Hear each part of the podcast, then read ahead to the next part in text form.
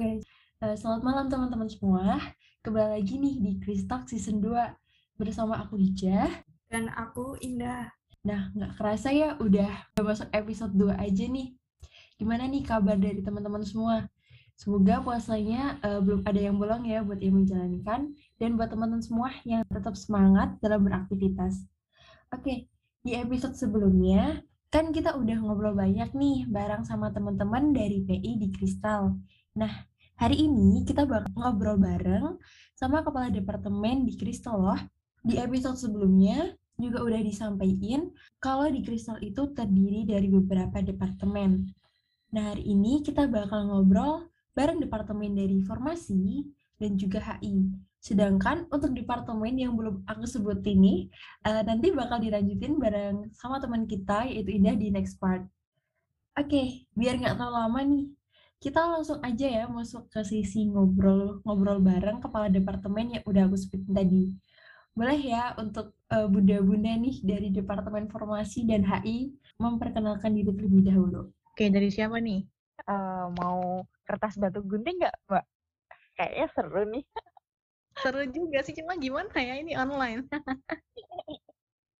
Oke, dari Mbak Citra dulu deh.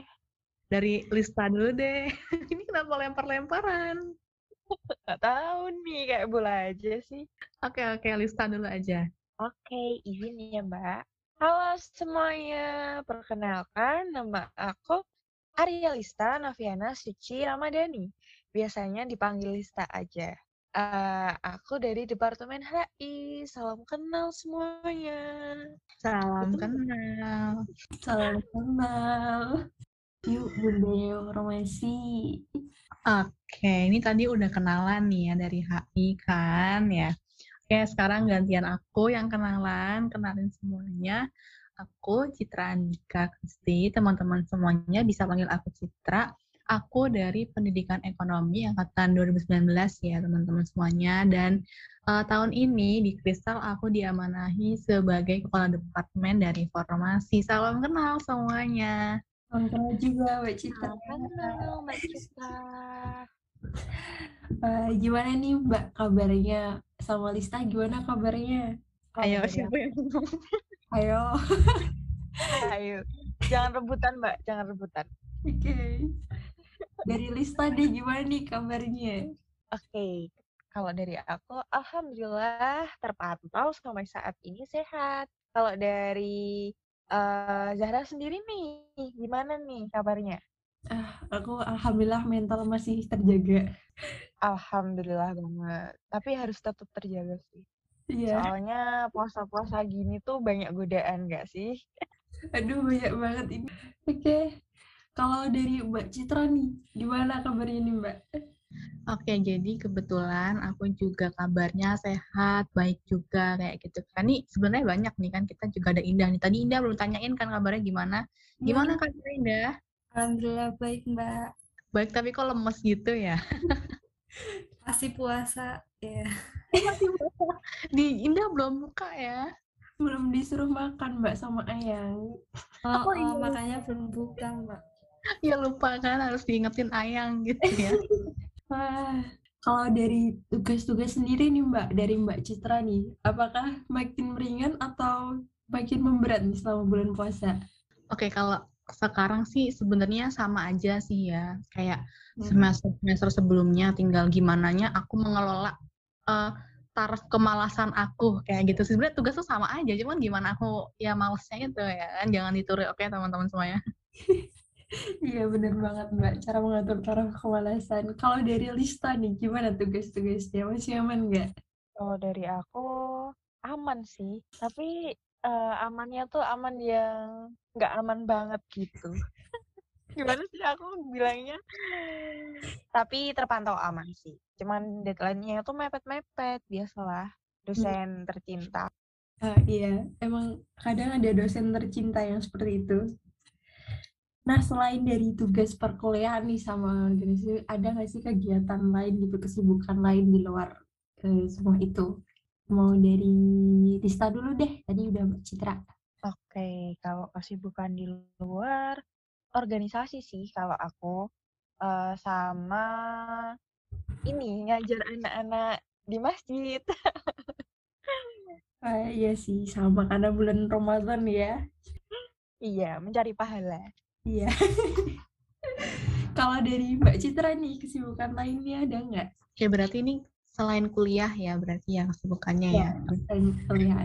Udah sibuk gitu ya. Oke, oke, nggak apa-apa. Jadi kalau aku sendiri sih selain kuliah itu kan organisasi gitu ya. Nah, organisasi juga aku ada beberapa kayak gitu, nggak di kristal aja. Kalau di tahun lalu aku di PMK UNJ, cuman kalau tahun sekarang aku nggak jadi pengurus, cuman masih anggota kayak gitu. Terus aku juga gabung organisasi di gereja dan aku kebetulan juga jadi sekretaris di sana. Jadi kan ya harus memantau pergerakan anak-anak juga ya kayak gitu. Terus selain aku organisasi, aku juga ini ya uh, mencoba untuk mencari pundi-pundi cuan kayak gitu ya. Ya kalian tahu lah ya. Benar banget sih Mbak, pundi-pundi cuan itu perlu dicari. Nah, aku mau tahu nih Mbak, kan uh, sebelum jadi kepala departemen nih, itu kan dari staff. Iya benar-benar. Ya kan?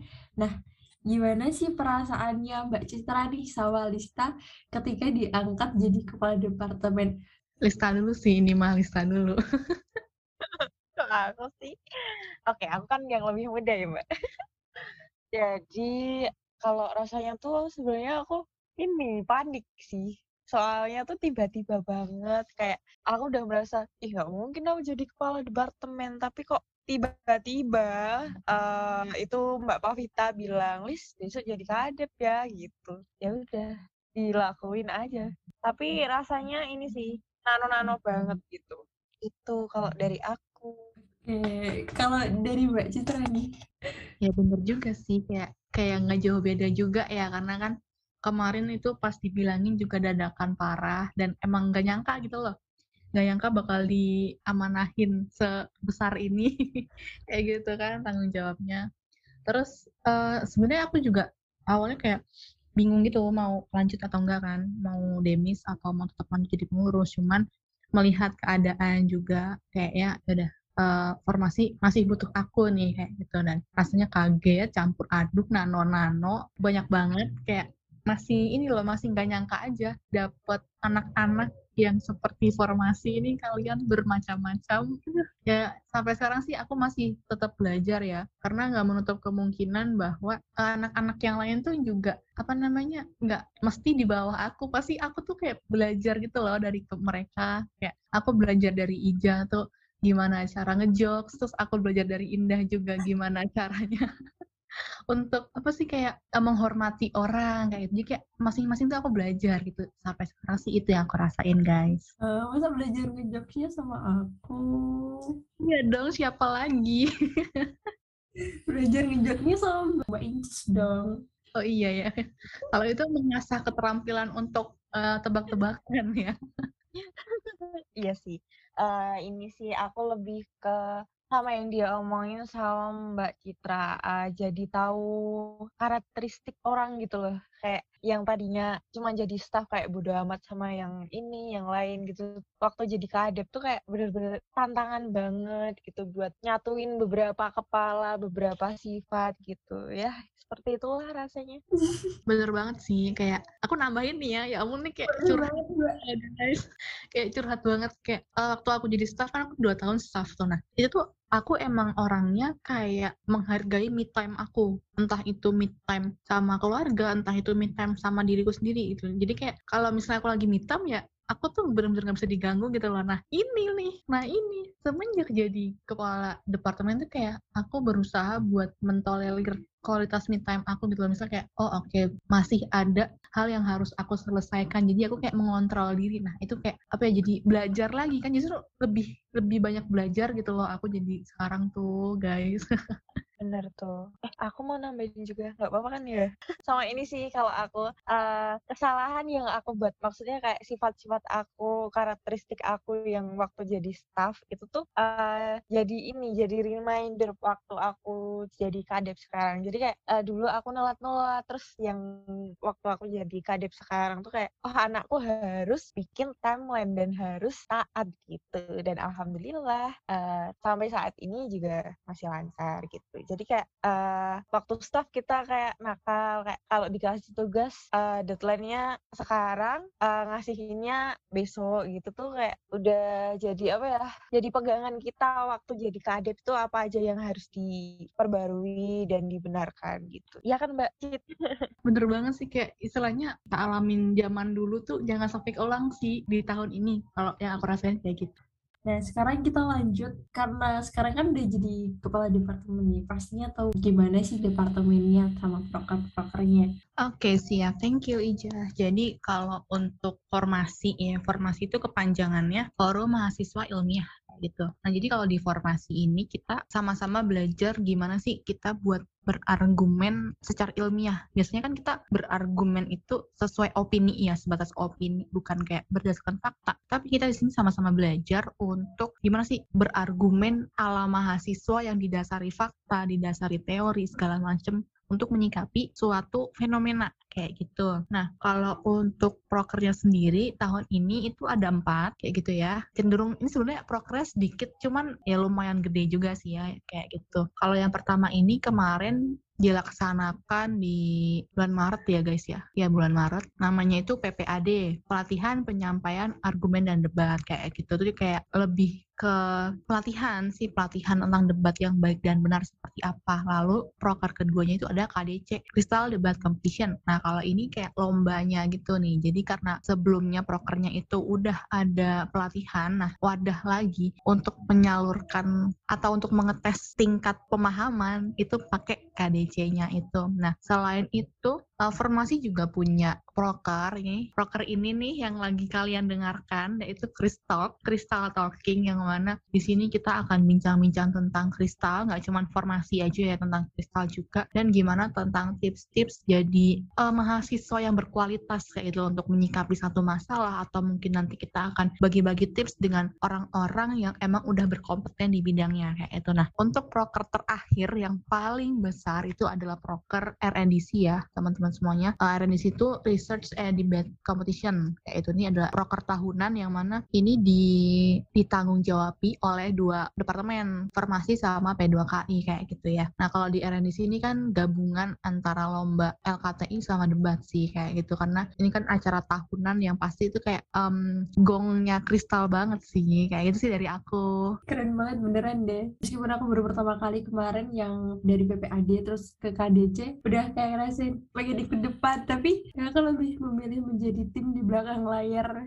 Oke, kita lanjut nih dari HI. Mungkin Lista? Oke, nah kalau dari HI sendiri, HI itu kepanjangan dari hubungan dan informasi. Nah, yaitu untuk menjalin komunikasi dan menyebarkan informasi ke arah internal ataupun eksternal. Nah, uh, jadi di HI itu lebih ke seperti humas dan seperti media kreatif. Jadi humas dan media kreatif digabung menjadi satu. Kalau untuk prokernya HI sendiri itu yang pertama itu ada pengelolaan media sosial. Ini jelas sih soalnya uh, kita kan menyebarkan informasi ya. Jadi kita uh, aktif nih di pengelolaan media sosial gitu, bikin konten dan lain-lain. Kemudian yang kedua itu ada salam kristal. Nah, salam kristal ini itu bertujuan buat mengasah kreativitas dari staf HI gitu. Nah, ini juga nanti berisi beberapa konten tentang kristal dan ada beberapa informasi juga gitu. Dan kemarin kita udah terbit bulletin pertama jangan lupa dicek di website guys. Terus yang kedua, yang ketiga itu ada ruang kreasi publik. Nah rencananya akan diadain besok Mei. Jadi ruang kreasi publik ini adalah uh, proker baru yang berupa workshop, terus ada challenge-nya juga. Nah uh, ke depannya sih diharapinnya tuh bisa berjalan terus jadi proker tahunannya HI gitu. Terus yang keempat ada display Ormawa. Nah ini jelas sih soalnya kita perlu membrandingkan kristal nggak sih buat ke maba-maba gitu. Nah, itu menjadi prokernya HI. Dan yang terakhir ada Sapa Ormawa. Nah, Sapa Ormawa ini kita itu kayak kunjungan ke Ormawa lain gitu loh, kayak studi banding. Gimana sih cara kerja Ormawa lain gitu. Dan nanti kita bisa belajar, bisa sharing gitu sama mereka. Seperti itu. Proker-proker proker-proker dari HI. Aku boleh nggak menawarkan diri sebagai branding? Boleh. Siapa tahu dapat ayang, tak? Oh. Nanti ayang yang di rumah gimana? Ayang yang suka berkokok itu ya. Ini kayaknya aku mau menawarkan diri jadi branding aja deh, biar nggak usah. Boleh deh, besok daftar. Boleh kan Mbak Cit? Ya, kalau dari aku sih silakan aja sih. Ada itu nggak sih amplop hijaunya? Amplop hijaunya minta sama Mbak Cit aja. Tuh kan, tuh kan mulai.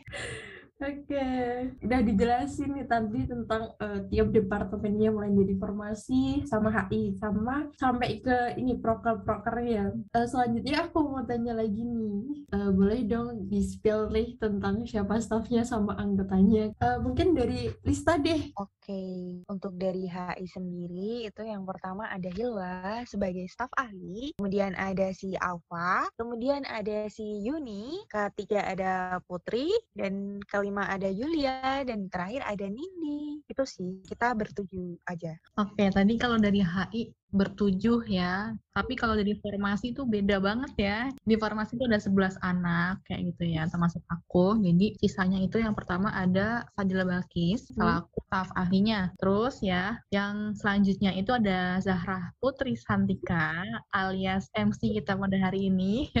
Itu yang ketiga, lalu ada Arba Ngatun Indah, lalu ada Desak Made Cynthia, dan ada Agesti juga. Terus ada Wiku. Wiku itu namanya Anggir Wiku kayak gitu. Terus lalu ada Yogi, terus ada Ardela, ada Jenny, sama satu lagi Sarwatul kayak gitu. Jadi ya untuk menghafal nama-nama juga perlu proses ya karena aduh aku aku juga ini sih kadang ya suka lupa kayak gitu kan kayak ketinggalan satu kayak gitu cuman ya I'm trying gitu lah guys oke Aduh, jadi malu nih disebut. Oke, karena kita udah tahu nih siapa staffnya, terus siapa anggotanya. Aku mau bertanya ke Mbak Citra lagi, tugas dari kepala departemen sama staffnya itu apa aja? Karena kalau dari yang aku tangkap ya, eh, kayak mengawasi, kayak mengkoordinasi, kayak gitu loh semacam itu. Dan mungkin dari Mbak Citra sama Lista bisa menjabarkan maksudku. Oke, silahkan Mbak Citra duluan. Oke, aku duluan nih ya. Oke, jadi sebenarnya benar sih yang dibilang sama Ija tadi ya, kayak mengawasi, memantau gitu. Cuman sebenarnya nggak cuma itu sih, kayak ibarat ke departemen, kepala departemen tuh kayak bawahannya ketua langsung gitu loh. Sebenarnya aku kalau mengibaratkan terkait dengan organisasi sih, aku sering mengibaratkan dengan sebuah kapal ya, kapal bukan perahu tapi kapal, kayak di pirates pirates gitu. Nah, ketuanya itu adalah ketuanya itu adalah eh, nahkodanya kayak itu nahkodanya itu ketuanya terus nanti ada kayak ya pembantu-pembantu dari ketuanya nih dari si nahkodanya ini. Nah pasti juga ada awak-awaknya dong ya di satu kapal tuh pasti ada beberapa orang nggak cuma satu dua tiga sampai lima orang pasti sampai puluhan kayak gitu kan. Sama sih kayak organisasi. Intinya kepala departemen itu menjaga gimana sih jalannya departemen itu tuh sejalan sama visi di awal. Visi di awal yang telah dibuat dan disepakati oleh para ini eh PHPI kayak gitu loh ya. Jadi kayak dari PI, dari ketua dan wakil mengusulkan tema ini, tema sorry, visi misi kayak gitu kan dan gimana caranya kepala departemen ini mem- memastikan gimana sih jalannya si departemen ini tetap berjalan sesuai arah yang direncanakan kayak gitu. Selain itu juga kita eh, mengingatkan gitu, loh, mengingatkan kepada anak-anak untuk tetap saling termotivasi sih ya, tetap saling termotivasi buat tetap kerja gitu ya. tetap kerja di proker kayak gitu tetap ingetin bahwa oh kita kita tuh punya tanggung jawab loh yang kita nggak sadar kita tuh udah setuju buat ikut ambil bagian kita setuju dari awal untuk menyelesaikan tanggung jawabnya selama satu tahun dan kita kita sebagai kepala departemen berusaha buat mengingatkan itu dan menjaga spiritnya ya menjaga semangatnya kayak gitu sih. Kalau dari aku mungkin tambahan nih dari Kak Lista nih. Sebenarnya sama sih Mbak, cuman kita kayak menjadi tempat mereka mengadu juga sih, lebih ke itu juga. Se- eh, kalau buat keseluruhan udah dijelasin sama Mbak Citra tadi, udah jelas banget. Silahkan dilanjutkan. oh berarti ini tugas dari kepala departemennya. Nah, kalau dari staf ahlinya itu tugasnya apa ya kira-kira? Oke, kalau izin menjawab ya. Kalau dari staf ahli itu mm, membantu kepala departemen gitu. Jadi uh, dalam organisasi kan ada ketua sama wakil ketua. Nah itu staf ahli itu lebih seperti wakil ketua itu. Nah staf ahli juga itu kayak uh, dia tuh yang lebih ngerti juga mengenai departemen itu gitu sih. Kalau dari aku sih pandangan aku. Kalau dari Mbak Citra gimana? Bener banget. Jadi kayak ibarat tangan kanan langsungnya dari kepala departemen sih kayak sama selain itu juga kayak untuk backup misal dari kadepnya berhalangan nanti bisa dibantu bisa saling bantu aja sih gitu sebenarnya sama aja sih kadep sama staff ahli cuman ya tinggal gimana prefer tanggung jawabnya yang lebih besar kayak gitu gitu dari aku. Nah, oke aku sekarang mau ini nih, uh, mungkin sedikit flashback deh. Kayaknya tadi udah di spill-spill sih di awal tadi. Nah, dari semua tugas nih udah yang diterima mulai dari dulu awal masuk ke departemen, kayak dari awal uh, jadi anggota, terus jadi staff ahli, sampai sekarang akhirnya jadi kepala departemen udah dapet pengalaman apa aja nih yang udah diperoleh dan ada nggak sih pengalaman yang susah banget dilupain sampai sekarang? Oke, okay. Kalau dari aku sih ini sih waktu aku jadi staff tuh aku jadi uh, dapat proker pengelolaan media sosialnya. Itu tuh uh, ini yang nggak bisa aku lupain tuh kayak ada aja tugas-tugas yang mendadak banget dan urgent dan kayak cepet banget. Dan itu tuh kayak nggak bisa banget aku lupain dulu aku jadi kayak apa-apa aku lagi sibuk gitu tuh dikasih ini langsung harus dikerjain gitu aku kerjain itu udah menjadi memori yang sangat indah sampai sekarang gitu. Itu sih kalau dari aku. Oke berarti kayak ini gak sih? Ih kok aku lagi gitu gak sih Lis Iya bener. Kayak dulu tuh padet banget itu loh aku di pengelolaan media sosial tuh. Tapi uh, ya aku balik lagi. Ke sekarang tuh aku kayak dulu-dulu aku padet-padet terus kayak aku kesusahan gitu. Nah sekarang aku bikin kayak harus bagi data gitu. Tuh jadi kayak buat eval selanjutnya gitu sih. Oh jadi biar ini ya menjadi rata ya, tidak memberatkan sebelah pihak. Bener banget. Oke. Okay. Nah sekarang kita beralih ke kepala departemen informasi. Mungkin dari Mbak Citra boleh nih sharing-sharing pengalamannya. Ada nggak sih pengalaman yang nggak bisa dilupain? Oke okay, aku ya. Jadi kalau untuk pengalaman sih ini aku mau pamer nih ya, karena aku di Kristi lama banget gitu ya. Jadi kayak aku magang di Kristal, terus sampai sekarang juga udah tahun ketiga gitu kan. Jadi ya bener banyak banget sih pengalaman yang baru aku alamin tuh pas kristal aja. Contohnya uh, buat sertif waktu MKPK itu aku pertama kali dalam hidup aku buat sertif kayak gitu. Terus habis itu uh, nge-MC, nge-MC di acara acara apa ya lupa pokoknya acara gitu kan. Jadi kayak pertama kali aku jadi MC juga di Kristal, pertama kali jadi moderator juga di Kristal kayak gitu kan. Terus pertama kali jadi operator apa namanya yang mengelola Zoom, mengelola YouTube itu juga di Kristal juga kan. Tapi yang paling berkesan sampai sekarang itu uh, ini yang pas oprek kemarin gitu sih sampai sekarang ini ya. Pas oprek kemarin gimana sih aku pertama kali gitu loh mau orang yang sebelumnya aku diwawancari ter terus gitu kan. Aku harus mewawancarai orang dan harus memilih siapa nih yang masuk kayak gitu. Tuh kayak pengalaman berkesan banget sih kayak dan menimbang-nimbang orang dari hasil wawancara kayak gitu kan. Apakah orang ini worth it atau enggak kayak gitu sampai sekarang. Cuman nggak menutup kemungkinan bahwa uh, dua program yang udah terlaksana juga salah satu kebanggaan tersendiri sih buat aku sebagai pengawas ya. Steering committee bukan sebagai panitia lagi gitu. Karena itu pengalaman baru dan juga nggak bisa dilupain juga kayak gitu jadi banyak sih sebenarnya oke okay, keren banget sih ini Oke, okay. uh, eh, aku kayaknya bakal ada ada pertanyaan mendadak nih karena tadi Mbak Citra kan menyinggung tentang uh, siapa yang mau dipilih. Nah, kalau dari HI sendiri nih, ada nggak sih kriteria-kriteria gitu yang biar bisa keterima di HI? Jelas ada ya kali ada. Oke, okay, kalau dari HI itu toh aku cari orangnya tuh uh, yang aku unggulin dua. Yang pertama bisa desain dan cari konten dan yang pertama tuh bisa public speaking gitu. Soalnya proker-prokernya tuh uh, berkesinambungannya tuh di situ aja gitu loh. Jadi kayak ya harus orang kayak gitu gitu. Ya, jadi jobnya cuma di sekitar-sekitar itu ya? Iya, bener banget. Oke, kalau aku menawarkan diri, kemarin masuk nggak ya kira-kira? Masuk kok. Kamu, Mas. Langsung aja besok daftar ya. Aduh, Mbak gimana nih? Ya ampun, salah satu asetku berkurang nanti. Oke, Kalau dari Mbak Citra sendiri nih, kriteria seperti apa sih yang dicari buat biar keterima di formasi? Oke, jadi sebenarnya kalau untuk kriteria khusus sih nggak ada ya, karena basically kita juga sama-sama masih belajar gitu loh, kayak nobody's perfect, right? Ya kan?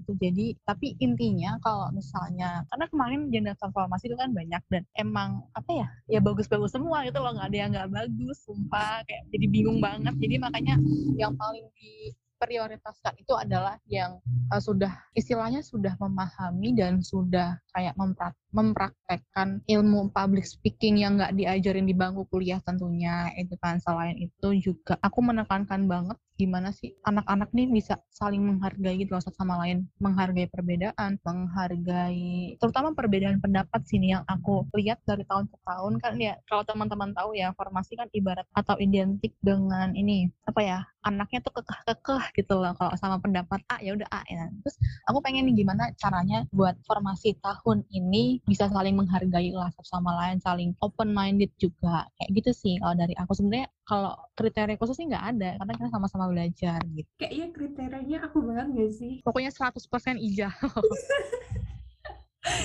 Oke, ya di kolom chat sudah ini ya berprotes makin malam. Kita lanjutkan ini karena tadi sebenarnya udah banyak sih di spill lagi dari awalnya pun kan bertanya ada nggak sih perbedaan dari tahun sebelumnya ke belakang deh kita flashback lagi sama yang tahun sekarang nih. Oh dari Gimana tadi? Aku kurang nangkep nih pertanyaannya. aduh kayaknya list ini ya suka mendengarkan suaraku ya. Suka banget. Oke, ada nggak sih eh, perbedaannya nih dari tahun-tahun sebelumnya sama tahun sekarang?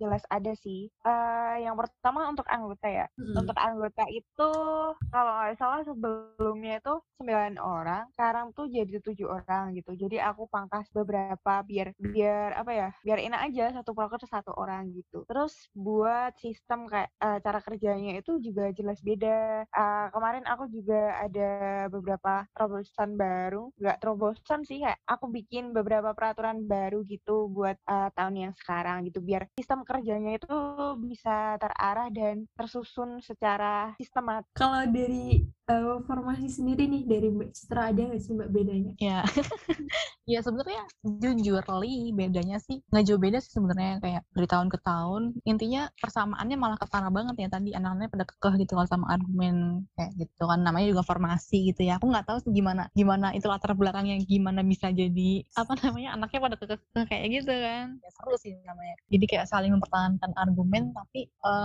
me- berdasarkan fakta tapi juga harus toleransi di satu sisi kayak gitu.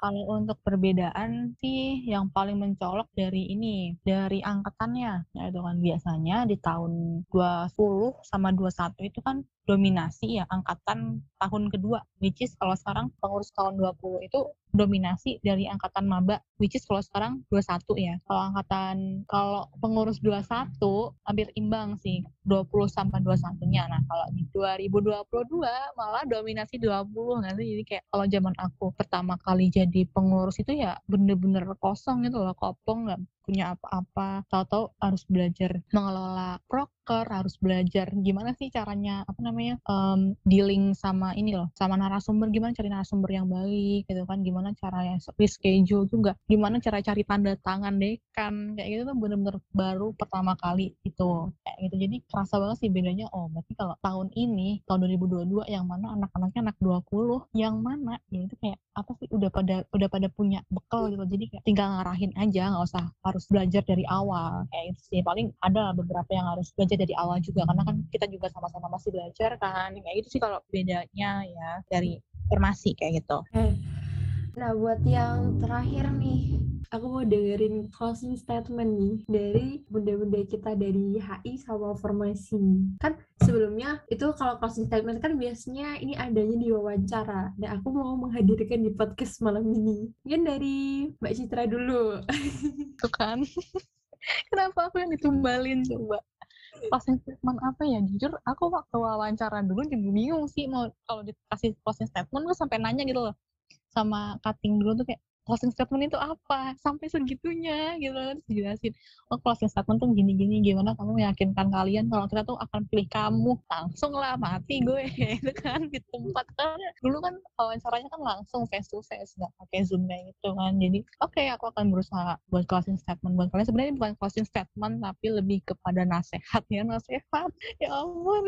Ya intinya um, aku berpesan kepada seluruh mahasiswa yang dengar podcast ini gitu kan. Oke okay, kalian udah sampai di taraf perguruan tinggi itu menurutku udah good job banget. Itu adalah salah satu prestasi ya bagi mahasiswa itu tapi menurutku ilmu di bangku kuliah itu ibarat kayak kurang aja gitu loh. Jadi kita harus nambah ilmu di luar bangku kuliah. Caranya ya salah satunya dengan organisasi sih menurutku. Gimana kalau di organisasi kan gimana kita capeknya kita gimana kita buat susah payah buat menyelenggarakan suatu acara tuh one day akan berguna gitu loh. Tapi kita nggak akan pernah tahu kan kapan waktu itu tiba. Tapi suatu saat kita pasti akan mempergunakan ilmu yang kita dapat karena ibarat kita udah punya bekal untuk sampai kita ke output outputnya apa? Dunia kerja sih kayak gitu. Kalau dari aku ya kayak udah kepanjangan banget nih ya. Thank you. Oke makasih ya buat kasih statementnya sekarang pindah nih kita beralih ke HI ke dari Lista yuk. Oke nah kalau yang panjang udah Mbak Citra, aku yang pendek aja. Jadi, buat teman-teman mahasiswa semuanya, percayalah bahwa uh, mengikuti sebuah organisasi itu sangat menyenangkan. Uh, bisa banyak menambah relasi, bisa buat lat berlatih untuk ngomong dan lain-lain. Jadi kayak uh, ayolah ikut organisasi ayo jangan jadi mahasiswa kupu-kupu aja. Gitu. Udah gitu aja sih. Soalnya temanku banyak yang nggak ikut organisasi. Sepertinya beda banget ya kak ya. Kayak benar-benar beda sih kan. Ngerasain kan bedanya apa. Mungkin dari aku iya sih benar emang kerasa banget bedanya. Karena jujur aku juga baru ikut organisasi tuh uh, baru-baru ini baru ini organisasi kayak organisasi pertama aku tuh dia di kristal ini. Jadi ini kayak bener-bener pertama kali dan terasa banget dampaknya dia itu kayak kayaknya kita udah ngobrol terlalu banyak deh hari ini. Tadi udah mulai dari ini penjelasan tentang form, uh, formasi terus tentang HI terus tugas-tugasnya dari kepala departemen terus staffnya sampai ke proker-prokernya. Sampai udah sampai closing statement juga nih. Nah aku sekaligus host nih hari ini mengucapkan banyak terima kasih buat bunda-bunda yang udah meluangkan waktunya buat uh, mengisi podcast di Kristak episode kedua malam ini. Ya sih, sekian dari aku ya. See you. See you. Jangan lupa balik lagi ke podcast selanjutnya.